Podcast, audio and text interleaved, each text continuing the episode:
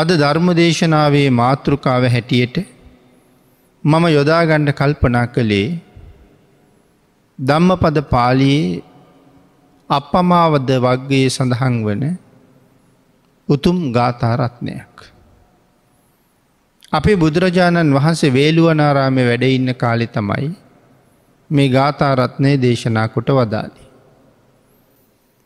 උට්ටාන වතු සතිමතු සුචිකම්මස්ස නිසම්මකාරීනි.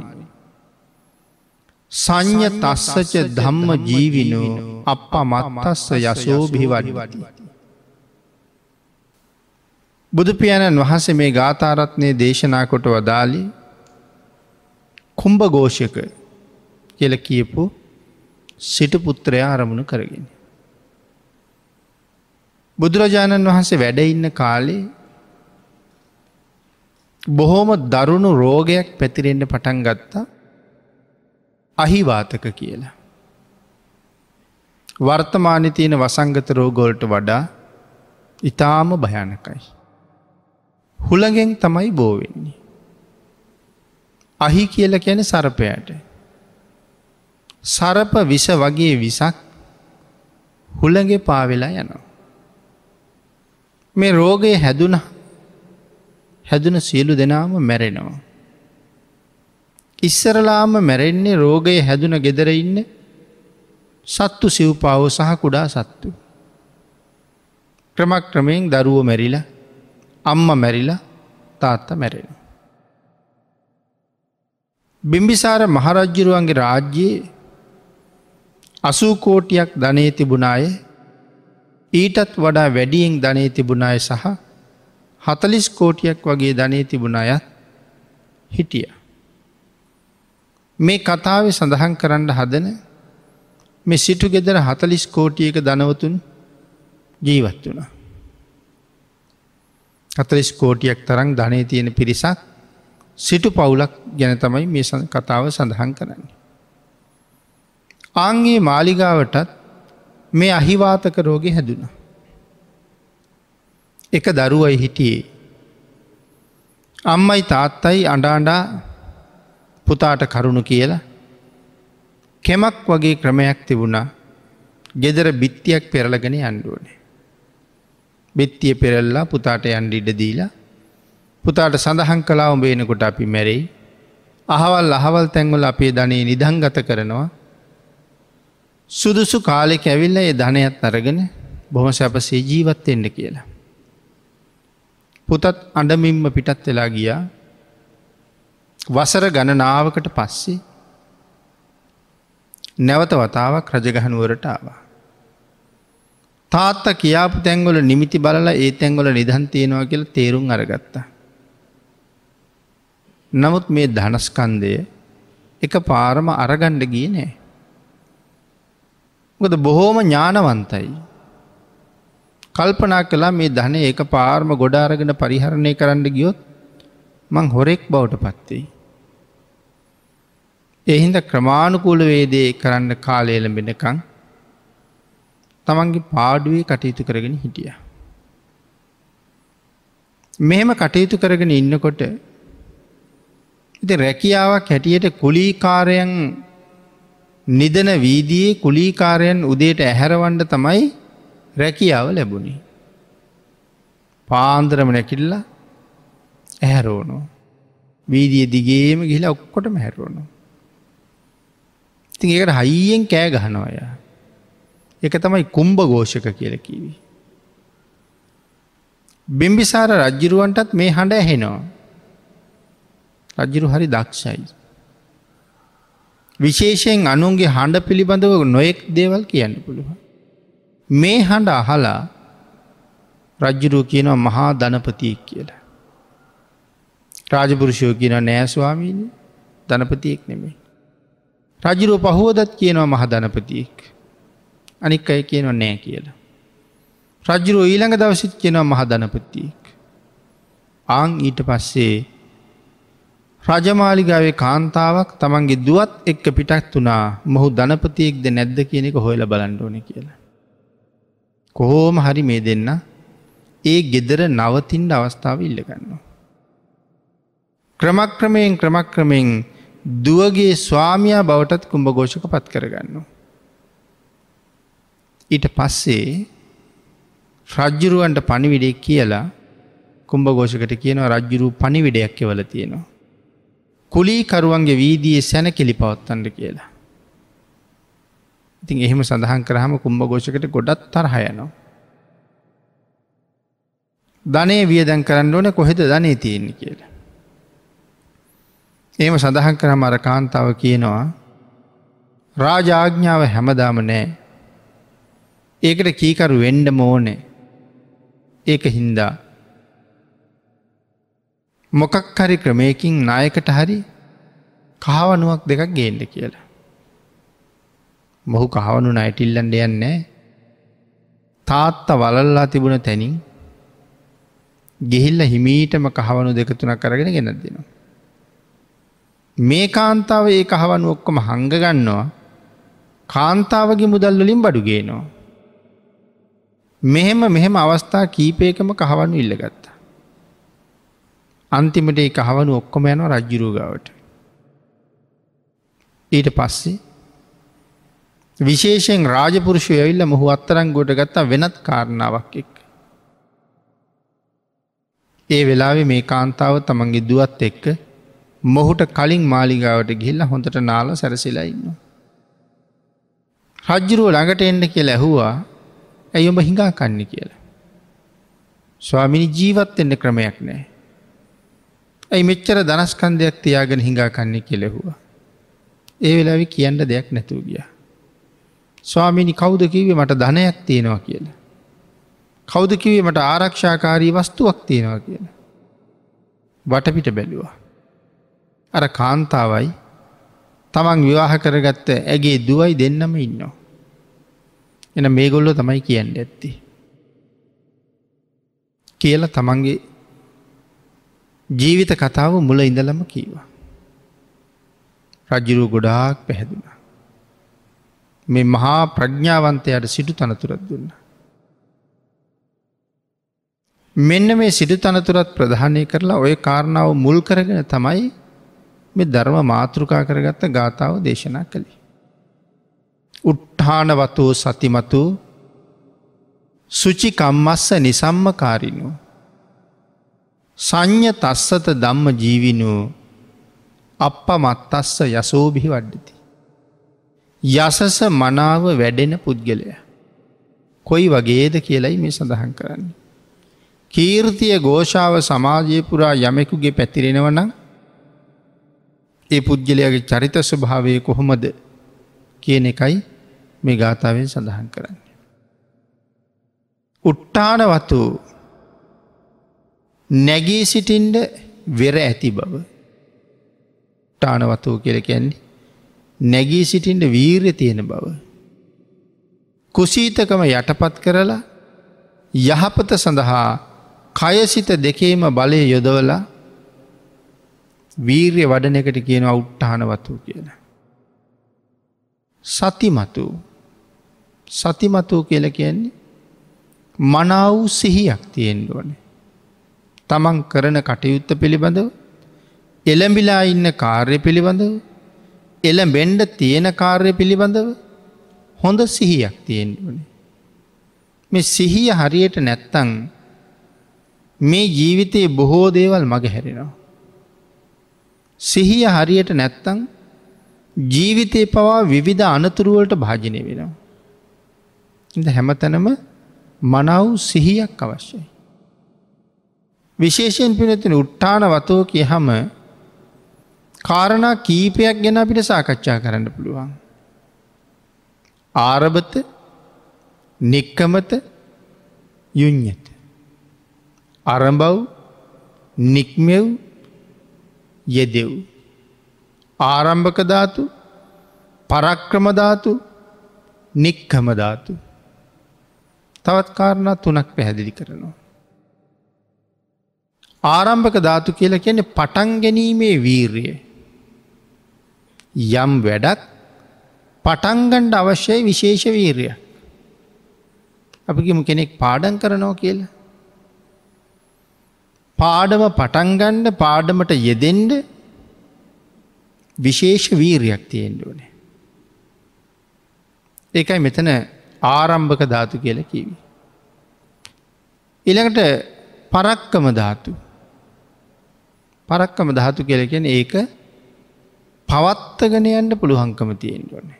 පාඩන් කරන්න පටන්ගත්තා දැන් ඒක එක දිගට පාඩන් කරගෙන සෑහෙන වෙලාවක් පවත්තගෙන යන්න ඒත් ලොක වීරයක් තියෙන්ට ඕනේ. නික්කම ධාතු කියල කිය හම කෙලවරක් දක්වාම එක කරන්න ඕනේ. පටන්ගණ්ඩ වීරයක් ඕනේ පවත්වන්ඩ වීරයක් ඕනේ අවසානය දක්වාම එක දිගටම කරගෙන යන්ඩ තවත් වෙනම විශේෂ වීරයක් අවශ්‍ය වෙනවා. අං ඒ නිසා මේ කාරණාතුන පැහැදිලි කරලා වීර්යවන්තයෙක් කොහොමද කියන කාරණාව බුදුරජාණන් වහන්සේ මෙතන කරුණු පැහැදිලි කරනු. උට්ටහනවතු සතිමතු. මනාසිහියක් තියෙන්ඩුවනේ. සිහියෙන් ප්‍රඥාවෙන් තොර ජීවිතය හරි නිසරුයි. අපේ රටේ එක භික්‍ෂූන් වහස නමක් අපොත් වෙන්ඩ සූදානන් වෙලා. නමුත් මිනිස්සුන්ගේ කල්පනාව උන්වහස රහතන් වහස නමක් කියලා. අපොත්ෙන්ට කලින් වැල නොකැඩීම එනවා රහතන් වහස බලන්ඩ. අනික් හාමුදුරුරු කල්පනා කළා දැන් මේ එන්නේ රහතන් වහන්සේ බලන්ට. නමුත් අපේ හාමුදුරුව රහත් වෙලාද දන්නේ. තාම අපි දන්නෙත් නෑ. ඒම කියලා ගිහිල්ල කතා කළා. ස්වාමීනී මේම මිනිස්සු සෑහෙන දුරට පෝලිම හැදිලා. ඔබෝහස රහත් වෙලා කියලා පිරිනිවංක පාණ්ඩ කලින් වැඳ ගණ්ඩෙනවා. මං අහන්ඩාවේ ඔබ වහන්සට එහෙම උසස් ප්‍රතිපදාවක් අධිගමයක් තියෙනවද කියලා. මිනිස්සු ඒවන්ඩ. ආයශ්මතන මට තාම එහෙම අධිගමයක් නෑ. පියවීම්ම මෛත්‍රී බුදුරජාණන් වහන්සේ දැකලම පිරිනිවම් පානක තම යරමුණ. එහින්ද මං තාම එහෙම විශේෂ අධිගමයක් ලබල නෑ. නමුත් එහෙම මිනිස්සු ඇවිල්ල ඉන්නව නං බලාගෙන පොරකක. මම ඒකටත් යමක් කරන්න සූදානම්. එහන මාව ඉන්දවන්නකු ඇඳේ කියල කීවා. එකෙන් දැන් තනියම ඉඳගණ්ඩවත් බෑ. මං ඇදේ ඉන්දවන්න කියල කිවා. ඉන්දෙව්වට පස්සේ ඒ ඉඳගණ්ඩ උදව් කරපු භික්‍ෂූන් වහසට සඳහන් කලා දැන් යන්ඩ දොරටිකක් වහගෙන යන්න කියලා. උන්වහස දොරව හල යන්ඩ අඩිය ඉස්සර හට තියෙනවත් එක්කම කතා කළා.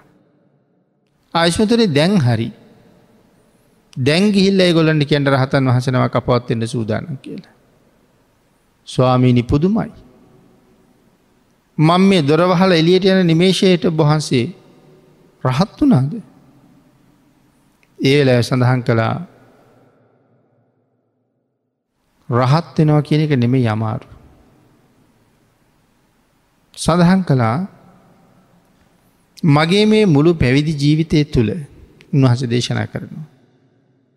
සිහිය ප්‍රඥාව නැති කිසිම වැඩක් මම කරලා නෑ. සිහියෙන් ප්‍රඥාවෙන් තොරව කරපු කිසි වැඩක් නෑ. ඒමන මෙන්න මේක තම යමාරු වැඩි. රහත්වනේ කමාරුනේ සිහියෙන් ප්‍රඥාවෙන් හිත පිහිටවාගෙන කටයුතු කරනවා කියන එක ඉතාම අමාරු වැඩ.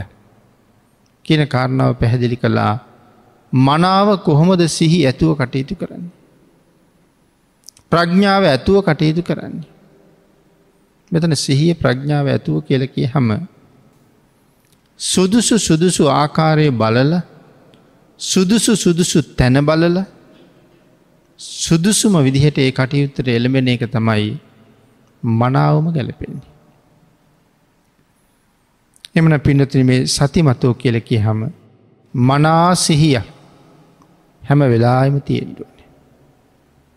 තැඟර ස්වාමීන් වහස සඳහන් කළා සිහිය ප්‍රඥාව නැතිව කරපු එකම වැඩක්වත් නෑ කියලා. එන මෙතනත් සඳහන් කරනවා මොනව ගැනද සිහිය ප්‍රඥාව තියෙන්ට ඕනි කුසල් සහ අකුසල් ගැන. මෙය කුසල්ය මෙය අකුසල්ය. හැම මොහොතකම කුසලය යකුසලයයි හඳුනා ගැනීමේ හැකියාව තියෙන්ඩුවන.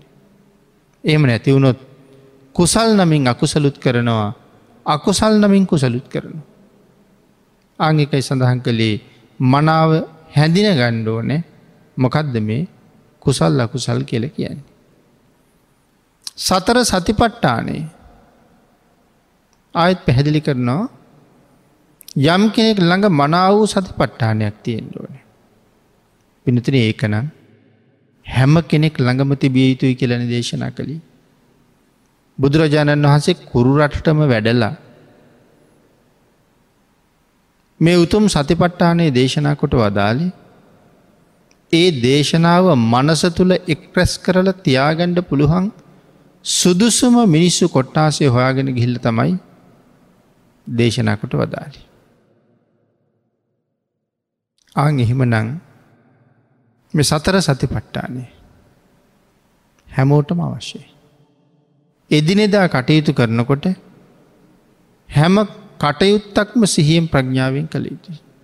අතින් යමක් කරනවා නදෙන් අතින් වැඩක් කරනවා. පයෙන් යමක් කරනවන දැන් පයින් වැඩක් කරනවා.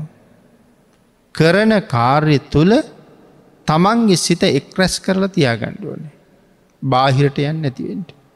එතකොට වෙහෙසත් අඩුයි ඇතිවෙන කම්මැලි ගතියත් අඩුයි සසර බිය නිසා බොහෝ කටයුතු කරගන්න. සත්තිමත්තු. නිසම්මකාරිනෝ හැම දේම ඉතාම නුවනින් විමසලා කිරීම. නිසම්ම කාරිනෝ කියල හඳුන්වලා තියෙනවා. නුවනින් විමසලා කිරීම කියලකි හම් යම් වෛද්‍යවරයෙක් රෝග නිධානය මොකක්ද කියලා හොයලා හරියටම නිධානයට ප්‍රතිකාර කළු. රෝගය ඇතිවෙන එක එතනම එතනම නවතිනවා. හරියටම රෝග නිධානය හොයලා වෙදකං කළොත් රෝගය එතනම නවතිනවා. නමුත් සඳහන් කළා යම් වෙලාවක රෝග නිධානය හොයන්ට බැරිවුණු. කරන ප්‍රතිකාරයේ තේරුමක් තේරුමක් නෑ. ඒක පිටිං පැලස්තර ඇලවීමක් හා සමානයි.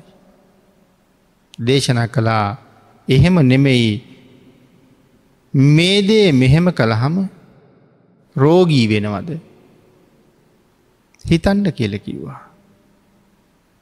මේ දේ මෙහෙම කළොත් මොකද වෙන්න. අපි කිමු සිකරට් බොන කෙනෙක් කියල. හිතන්ඩ කිව්වා දිගටම මේක බීගෙන ගියොත් මොකද වෙන්නේ. කියන කාරණාව ගැන හොඳට කල්පනා කරන්න කිව්වා. මේ වචනය මෙතෙන්ට කීවොත් හොඳයිද. තැ අපි සමහර වචන කියලා පස්සේ පසු තැවිල්ලට පත්වෙනවා අනේ ඒක කීවේ නැත්තං කොච්චර හොඳද කියලා. එනම් වචනය කටින් එලියට යන්ඩ ඉස්සරලා. මේ වචනය කියන්ඩ මෙතන සුදුසුද මෙතන ගැලපෙනවද මේ වචනය කියන්න. එනම් තමන් කියන වචනය ගැන මනා සිහියකින් ඉන්නකොට ඒ වචන එලියට දාන්න හොඳයිද නැද්ද කියන කාරණාව හොඳටම වැටහෙනවා. ඊළඟට සඳහන් කළා මේ ස්වරයෙන් මෙතන කතා කළොත් හොඳයිද. බෝධිය ගාවට ගිහිල්ලා. චෛත්‍ය ගාවට ගිහිල්ලා. හයියෙන් කතා කරනකොට කෙනෙකුට හිතෙන්ට පුළුවන් බුදුරජාණන් වහන්සේ ළඟ එහෙම කෑකෝ ගහන්නක වටිනවද. කියන කාරණාව හිතල හැම වෙලාම උත්සාහ කරන්න ඕනේ. මනාව සිහියෙන් වැරදි අවමයෙන් සිද්ධ කරගන්නට. සිහියෙන් ඉන්ඩෝන වරදින ප්‍රමාණය අවමයක් වෙන්ඩෝන. මේ කවුරු ගැන දවි කතා කරන්නේ යසස මනාව වැඩෙන පුද්ගලය ගැන. කීර්තිය ගෝෂාව වැඩීම පැතිරෙන්නේ කවුරු ගැනද ආන්ගේ පුද්ගලය ගැන තමයි මේ කතා කරන්න. යමෙකුට එහෙම වෙන්ඩ වුවමනාවක් තියෙනවනං තමත් තමනුත් මෙන්න මේ අති ගතිගුණේ පිහිටන එක හරි වටිනවා. සංඥ තස්සච ධම්ම ජීවිනු. මෙතන සංඥ තස්සච දැමුණු ඉන්ද්‍රියන් මොනොද දැමුණු ඉන්ද්‍රියන් කියල කියන්නේ. සිතයි කයයි වචනයයි. මෙන්න මේ ඉන්ද්‍රියන් තුන මනාව දමනය කළ ගතයුතුයි. සිතකය වචනය දමනය වුණේ නැත්ත අපට යහපතක් කරයිද අයහපතක්මයි කරන. දමනයක් නැත්තං හිතින් හිතන්නේ මකුසලය. දමනයක් නැත්තං කයින් කරන්නේ මකුසලය. නමුත් මනාව දමනය වුණ පුද්ගලයා කවදාවත් අකුසලයට බරවෙන්නේ. එනම් මනාව දැමුණු පුද්ගලය. කිසිම දෙයක් දැක්කහම ඕනෑවට වඩා එහෙමනැත්තං ඇල්මක් ඇති වෙන්නෙත් නෑ හැබැයි කේන්තියක් ඇති වෙන්නෙත් නෑ. අපිට ඔය දෙකන වෙන්නේ. යමක් දැකලා එක්කො සතුටු වෙනවා නැත්තන් තරහ කරන්න. නමුත් මේ පුද්ගලයා කවදාවත් එහෙම කරන්නේ නෑ. ලැබුණේ මොනවද තියෙන්නේ මොනවද එක එහෙමමයි. දෙනම් කය වචනය සිත මනාව දමනය කරගන්න. සිත සමාධියහිද පිහිට වන්න කියලා දේශනා කරනවා. දමනය කලාට විතරක් මදි හිත සමාධී පිහිටවන්ට. සම්යමයෙන් වැඩුණු පුද්ගලයා සිදුරු නැති කෙනෙක්. සිදුරු නෑ කියලකේ වැරදි අඩුපාඩු නැති කෙනෙක් බවට පත්වෙනවා. සාමාන්‍ය කෙනෙක් දමනය වෙලා නැති වෙලාවක ඒ සඳහාම යෙදන පුද්ගලයා මනා දමනයකින් යුක්තයි කියල මේ ගාතාරත්නය තුළ පැහැදිලි කරනවා. ඉළඟට තවත් සඳහන් කළා දමනය වෙලා නැත්තං හරියටම ඉන්න තැන පිළිබඳව වැටහෙන්නේ. මේ කාරණාව විශේෂයෙන් පැහැදිලි කරනවා ධම්ම චේතිය සූත්‍ර දේශනාව. අන්‍ය තීරතකව ඇවිල්ල බණහනෝ. වෙනත් අය බනානෝ. හැබැයි ඒ අයි දමනය වෙලා නෑ. බුද්ධහගමේ අයි දමනය වෙලයි. හැබැ බෞද්ධයා දමනයෙන් යුක්තයි. දැඟතුට දමනය නූන වෙනත් අය බණ අහන වෙලාවේ නොෙක් සද්ධ කරනවා. එතකොට බුදුරජාණන් වහන්සේගේ ශ්‍රාවකයකුට ඕනැකම තියෙනවා සද්ධ කරන්න එපා කියල කියන්ට. සද්ධ කරන්න එපා කියලා මං කටින් කීවොත් එතනත් තියෙනෙ සද්ධය. මං කියන්නේ සද්ධ කරන්න එපා කියලා නමුත් ඒක කියන්න මමත් සද්ධ කරනවා. ආගේ හින්ද සඳහන් කළේ. ඒ කාරණාවත් අතින් පෙන්නන්න නෑ. හැබැයි අර අන්‍ය තීර්ථක ශ්‍රාවකයට තමන්ගේ පයේ දනහිසෙන් අයිනවා. දනහිසෙන් ඇනල ඇහෙන් කියනවා සද්ධ කරන්න එපා. අපේ ශාස්තෘන් වහන්සේ ධර්ම දේශනා කරන වෙලාවට සද්ධ කරන්න එපා කියලා ඇහෙන් කියනවා. පස්සෙ කොසල් රජුරු මේක බුදුරජාණන් වහන්සේට මතක් කරනවා.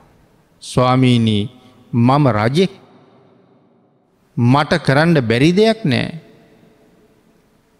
ස්වාමීනී මම ගාව හිටිය ඉසිදත්ත පුරාණ කියලා දෙන්නේ. අං එ දෙන්නා මගෙත් එක්ක දවසක් ඇවිල්ල. එක තැන කතා කර කර ඉඳලා ඉතා කුඩා කාමරයක මවුන් ඔවුන් එක සැතපුුණා. මම නිදාගෙන නිදි නෑවාගේ ඉන්නවා මොවුන් දෙන්න මොකද කරන්න බලන්ට. මේ දෙන්න කන්නෙත් මගින් ඉන්නෙත් මම ගාව. සඳහන් කරනවා ස්වාමීණී මට නින්ද ගියා වගේ මම හිටියා මේ දෙන්න ඊට පස කතා වෙනවා අද බුදුරජාණන් වහන්සේ කොහෙද දන්නේ කියලා. එක්කෙනෙක් කියහම අද බුදුරජාණන් වහන්සේල ඉන්න අහවල් ආරාමි කියලා. ස්වාමීනී මේ දෙන්නම මම දිහාට කකුල් දෙක දාලා භාගිතුන් වහසේ වැඩඉන්නවා කියලක පැත්තර හිස දාලා සතපුුණ. මේ කාරණාව රජ්ජුරූ බුදුරජාණන් වහසට ප්‍රකාශ කරලා බොහොම ප්‍රසංසා කළා ස්වාමීනී රජෙක් වෙලත් මට මගේ රාජ සභාවය මිනිස්සු එක විනාඩි පහක් නිශ්ශබ්දව තියාගන්න බෑ. ඒ මිනිස්සු දන්නවා මට හිතුනොත් මරණවා කියලා. රජ්ජුරුව කවුරුවත් මැරුවහම රජ්ජිරුවන්ට නඩු තියෙනවද රජ්ජිරුවන්ට නඩු දාන්න කෙනෙක් නෑ. ජනාධිපතිතුමාට නඩු දාන්න පුළුවන් රජ්ජිරුවන්ට නඩු දාන්න බෑ. රජු තීරණයක් ගත්තුත් තීරණයම තමයි. ඇයි රජ්ජිරුවන්ට විරුද්ධ නඩු දාන්න බැරි. රජ්ජුරුව කියලා කියන රටේ අයිතිකාරය. රජ්ජුරු කියන්නේ රටේ අයිතිකාරය. එතකොට අයිතිකාරයා මොනව කරහමමකද. එතකොට ජනාධිපතිතුමා කියල කියනෙත් අයිතිකාරයද ජනාධිපතිතුමා කියල කියන්නේ පාලකයා. රටේ පාලකයා. පාලකයයි අයිතිකාරයයි දෙන්නේ. එමන අයිතිකාරය තමයි තමන්ට ඕනෑම දෙයක් කරන්නේ. එමන මෙතන සඳහන් කළා මනාව සංයමයට පත්වන කියලා. කොයි තරං වටිනවාද ස්වාමීනි මම මේ රටේ අයිතිකාරය වෙලා මට මේ ගොල්ලො මරන්නත් පුළුවන්. ඒ වනාට එක විනාඩි පහක් මගේ රාජ සභාව නිශ්ශබ්ද කරවන්න මට බෑස්වාමීනි. නමුත් බුදුරජාණන් වහන්සේ වැඩඉන්න තැන.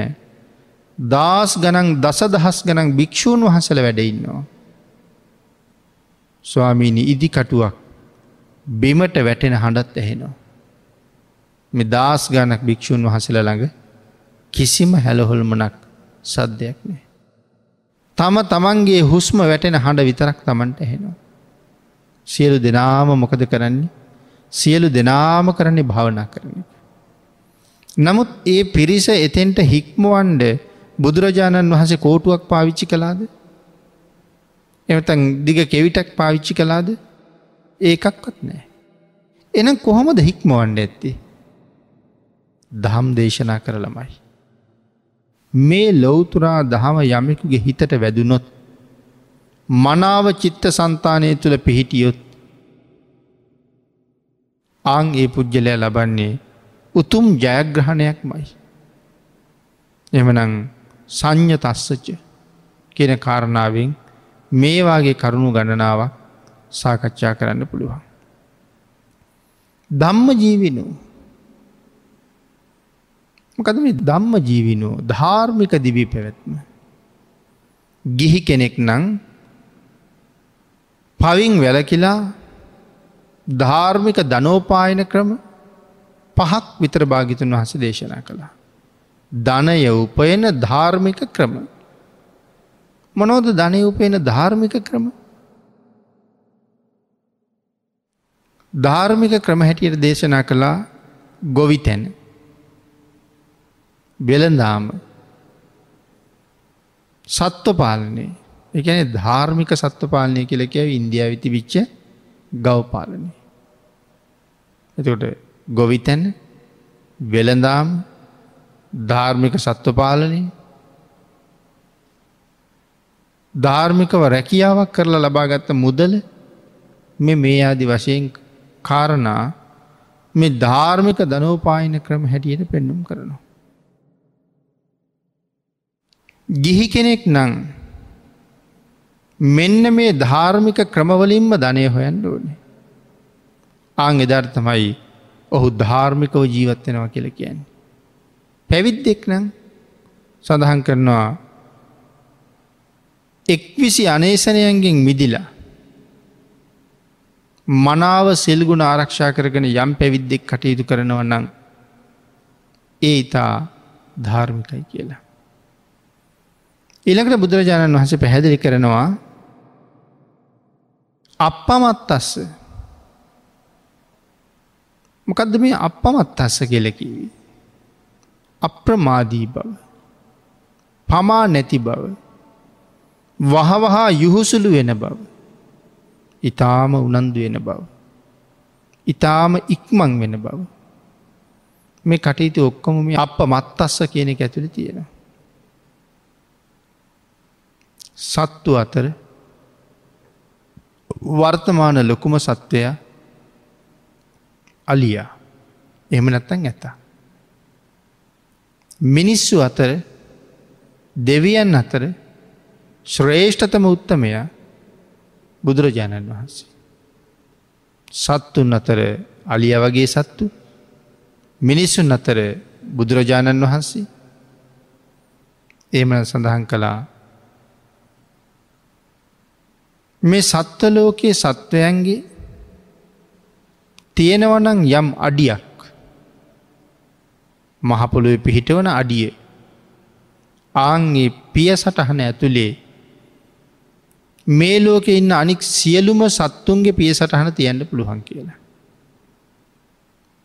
ඇතෙක් යම් තැනක කකුල තියල ගත්තහම ඒ ඇතාගේ පාද ලකුණ ඇතුළේ මේ ලෝක ඉන්න අන් සියලුම සත්තුන්ගේ පාද තියන්න පුළුවන්ඩ. එහෙමනං සත්වලෝකේ විශේෂයෙන් සඳහන් කලා දෙපා සතුන් අතර. උසස්ම කෙනා බුදුරජාණන් වහන්සේ. භාගිතුන් වහන්සට වඩා උසස් අය ලෝකෙ කොහෙවත් නෑ. ඊළඟට කුසල් ලෝකයේ උසස්ම කුසලය අප්‍රමාදී. හැම පින්කමක් සඳහාම හැම කටයුත්තක් සඳහාම අප්‍රමාදී විය යුතුයිනි. යමෙක් ප්‍රමාද වෙනවන ප්‍රමාදී පුද්ගලය හැමදාම පිරිහිච්ච කෙනෙක් බවට පත්වෙනවා. එමන පින්නතින අපේ ශාසනයේ මෙන්න මේ අප්‍රමාදය කියන වචනය බොහෝම ගරු කරලා තියෙනවා. යම් කෙනෙක් ළඟ මෙන්න මේ කතා කරපු උතුම් ගතිගුණ තියෙනවන. ඒ පුද්ගලයාගේ යසස මනාව වර්ධනය වෙනවා. එනම් මොන ගතිගුණ තියෙනවන්ද පුද්ගලය ළඟ උට්ටානවතු උට්ටාන වීරය තියෙනවා. සතිමතු මනාව් සිහියක් තියෙනවා. සුචිකම් මස්ස එකන්නේ පිරිසිදු කර්ම සුචි කියල කියන්නේ පිරිසිදු. අසුචි කියල කියන්නේ අපිරිසිදු එනම් මෙතන කීවේ සුචිකම් මස්ස නිසම්ම කාරණු. යමෙක් පිරිසිදු කර්මෝල යෙදෙනවාද. පිරිසිදු ක්‍රියාකාරකම්මල යෙදෙනවාද. අකුසල කටයුතුවලින් බැහැර වෙලා කටයුතු කරනවාද. අකුසලේ වලක්වාගෙන යටපත් කරගෙන කටයුතු කරනවාද. අකුසල් යටපත් කරලා තියෙන තාක් කල් ඔහුගේ ක්‍රියාව තුළ මනාව පිරිසිදු බවක් තියෙනවා. මෙතන සඳහන් කරනවා යම් කෙනෙක් නින්දට ගියපු වෙලාවෙ ඉඳලා. එමනත්තන් තමන් අවදිවෙච්ච වෙලාවිඳලා නින්දට යන වෙලාව එනකම්ම සිතේ ප්‍රඥ්ඥාවෙන් මනාසිහියෙන් කටයුතු කරනවන. අං එවන් අය මහත් වූ යසසක් ලබන අය. එවන් පුද්ගලයන්ගේ යසස මනාව වැඩෙනවා. මනාව දියුණු වෙනවා. මනා පිළිගැනීමකට භාජනය වෙනවා. උත්සාහවත්තෙන්ට ඕනේ මනා සිහි කල්පනාවක් තියෙන්න්න ඕනේ පිරිසිදු කර්මාන්තවලයි දෙන්න ඕනේ. දමනය කරගත්ත ඉඳුරන් තියෙන්ට ඕනේ. දමනය කරගත්ත ඉඳුරන් කියල කියහම සිතයි කයයි වචනයයි මනාව දමනය කරන්න ඕන. සංඥ තස්සච ධම්ම ජීවිනෝ අපමත් අස්ස යසෝබි වඩ්ඩති. අප්‍රමාදී බෞතියෙන්ට ඕන ආංගේ පුද්ගලයාගේ අසස මනාව වැඩෙනවා කියලා දේශනා කළ. එමන පිනතිනේ මේ ලෝකේ යම් සත්‍යයෙක් දියුණුව කැමතිද. ආංගේ දියුණුව කැමති වෙන සත්වයා තුළ තිබිය යුතු උසස්ම කාරයෙන්ගෙන් එක. යමෙක් දියුණුව කැමතිනං ඒ පුද්ගලයක් තුළ විශේෂයෙන් තියෙන්ඩෝන සිල්. යමෙක් ගාව මනා සීලයක් තියෙනවනං ඔහු ඒ කාන්තයෙන්ම දියුණු වෙන පුද්ගලේ. එහෙමනම් විශේෂයෙන් සඳහන් කළා මේ ලෞකිකත්වයේ දියුණුව මනාව තහවුරු කරපු කාරණා ටික. මෙන්න මේ කාරණා පහ ඉතාම වටිනවා එවෙනුයි. මහත් වූ බෝගස්කන්දයක් ලබනවා. කෞුද මේ සිල්වත් කෙන. සිල්වත් කෙනාට බොහෝ ධනය ලැබෙන. සිල්වත් වෙන්ඩ වෙන්ඩ ධනවත්වෙනවා. එන මහත් වූ බෝගස්කන්දයක් ලබනවා. කල්්‍යාන වූ කීර්ති ශබ්දයක් පැතිරෙනවා. සිල්වත් වෙන්ඩ වෙන්ඩ හැම දෙන අතරම ලොකූ ප්‍රසිද්ධියකට පත්වෙනවා. හැමෝම හරි ප්‍රසංසාවෙන් කතා කරනවා. ඊළඟට සඳහන් කළා පිරිස් මැදට නොබියව එල්ලබෙනවා. සිල්වත් කෙන. පිරිස් අතරට යන්ට බයනෑ. ඒ හොඳම අවිය තමන් ගවතිනවා මොකක්ද සිල්වත් බව. සිහි මුලාවෙලා කලුරිය කරන්නේ. මරණාසන්න වෙනකොට අසිහියක් නන්නේ. සිල්වත් කෙනා සිහියෙන් කල්පනාවෙන්ම ජීවිතයෙන් සමගන්නවා. අවසාන්ට සඳහන් කළා සිල්වත් කෙනා මරණින් මත්තේ සුගතිය උපත්තිය ලබන. එනම් සිල්වත් කෙනාට ආනිසංස කීයක් ලැබෙනවද පහයි. මහත් වූ බෝගස්කන්දයක් ලැබෙනවා කල්්‍යාන වූ කීරිත ශබ්දයක් ලැබෙනවා. පිරිස් මැදට නොබියව එළවෙන්ඩ පුළුහංකම තියෙනවා සිහි මුලා නොවී කලුරිය කරනවා මරණින් මතු ඒ කාන්තයෙන් සුගතියේ උපත්තිය ලබනවා. මෙන්න මේ කාරණටික මනාව භාගිතුන් වහස පෙන්නලා. අප්‍රමාදීව කටයුතු කරන හැටිත් මනාව දේශනා කරලා. යසස මනාව යම් කෙනෙක්ගේ වැඩෙනවනම් ඒ යසස වැඩෙන පුද්ගලයෙක් තුළ තිබිච්ච ගුණාංග ටිකත් පෙන්නලා කරුණු කාරණා පැහැදිලි කරලා ධර්ම දේශනාව සිද්ධ කරන්ට යෙදන මේ කුම්භ ගෝෂක නිසා. කුම්භ ගෝෂකට බිම්බිසාර රජ්ජුරුව නැවතවතාවක් සිටු තනතුර දුන්න. සිටු තනතුර දීලා බුදුරජාණන් වහන්සේට මතක් කලා ස්වාමීනී මේ තරං මහදනස්කන්දයකට උරුමක් කාරකං කියන මේ පුද්ගලයා මෙන්න මේ විදි නිහඬව නිශ්ශබ්දව හිටිය කියලා. ඒ කාරණව අරමුණු කරගෙන තමයි මෙගාතාව දේශනා කොට වදාලේ ඔහු මහාශ්‍රේෂ්ඨ ප්‍රඥාවන්තයෙක් කියන කාරණාව පැහැදිලි කළ. එහෙමනම් පිනතින මේ ගාථරත්නය තුළින් අපි මේ යසස මනාව වැඩෙන්නේ කාගෙද කියන කාරණාවයි සාකච්ඡා කළේ. ඒ සාකච්ඡා කරපු ගුණාංග අපේ ජීවිතවලටත් එකතු වෙනවනං අපේ කීර්තිය ප්‍රසංසාවත් මිනිසුන් අතර විතරක් නෙමෙයි දෙවි බඹුන් අතර පවා පැතිරිල්ල යනවා. එවන් ජීවිතයක් පෝෂණය කරගන්න රත්නත්‍රී අනන්තාශිරවාදයෙන් ඔබ සියලු දෙනාටමත් ශක්තිය දහිරිය භාග්‍ය වාසනාව උදාවේවා කියලා ආශිර්වාද කරනවා.